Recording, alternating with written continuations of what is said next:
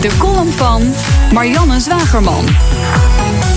Met nog een maandje te gaan staan Geert en Mark aan kop in de peilingen. Maar de mediaparagraaf in hun verkiezingsprogramma's is wat mager. Geert wil de publieke omroep opheffen, mee eens. En Mark wil er minder geld voor vrijmaken. Beetje mee eens. Maar een idee over wat er dan wel moet ontbreekt. Bij deze mijn plan dat ze zo mogen copy-pasten in het regeerakkoord. At your service. Mediabeleid is natuurlijk meer dan alleen steggelen over het budget van de publieke omroep. Ik trek de scope daarom even wat breder. De markt functioneert prima. Er zijn nog steeds veel krantentitels die ook digitaal de route te pakken hebben. Initiatieven als Blendel en de correspondent bewijzen dat consumenten nog steeds willen betalen voor nieuws. Commerciële nieuwsites behoren tot de best bezochte sites van Nederland.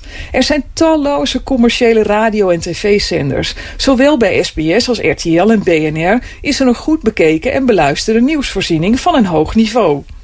Netflix is in Nederland ongekend populair en YouTube vult de rest van de amusementsbehoeften aan. Laten we dus alleen geld vrijmaken voor zaken waar de markt niet in voorziet. Eens met Mark.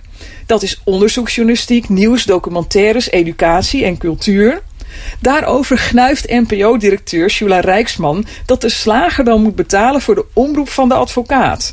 Dat is een beetje een mal argument. Slagers zijn ook geïnteresseerd in nieuws en journalistiek. Bovendien is de gedachte achter belastingheffen nou juist dat je ook meebetaalt aan zaken die je niet gebruikt. Zoals ik aan kinderbijslag en openbaar vervoer. Geen punt, graag gedaan. Hoeveel geld is er nodig? De persgroep zet in Nederland ongeveer 700 miljoen euro om. Prima budget voor een volwaardige publieke informatievoorziening. Als het helemaal moet, kan het voor 500 miljoen euro ook wel. Waar moet het geld naartoe? We heffen de hele NPO op, eens met Geert. We houden alleen een logistieke voorziening overeind, een soort ProRail. Dat kan prima worden ondergebracht bij de Ster. Die zorgt ervoor dat de content op alle lineaire en digitale platformen te zien en te horen is en halen de poen binnen van adverteerders. Het programmageld komt volledig ten goede aan programmamakers. Zij dienen een businessplan in, financieren liefst zelf ook een deel. De Raad van Cultuur beslist wat er wel en niet gemaakt wordt met een periode periodieke toetsing door een panel van kijkers en luisteraars. Was dat nou zo moeilijk? Voorstel van Marianne Zwagerman. Haar column lees je terug op bnr.nl.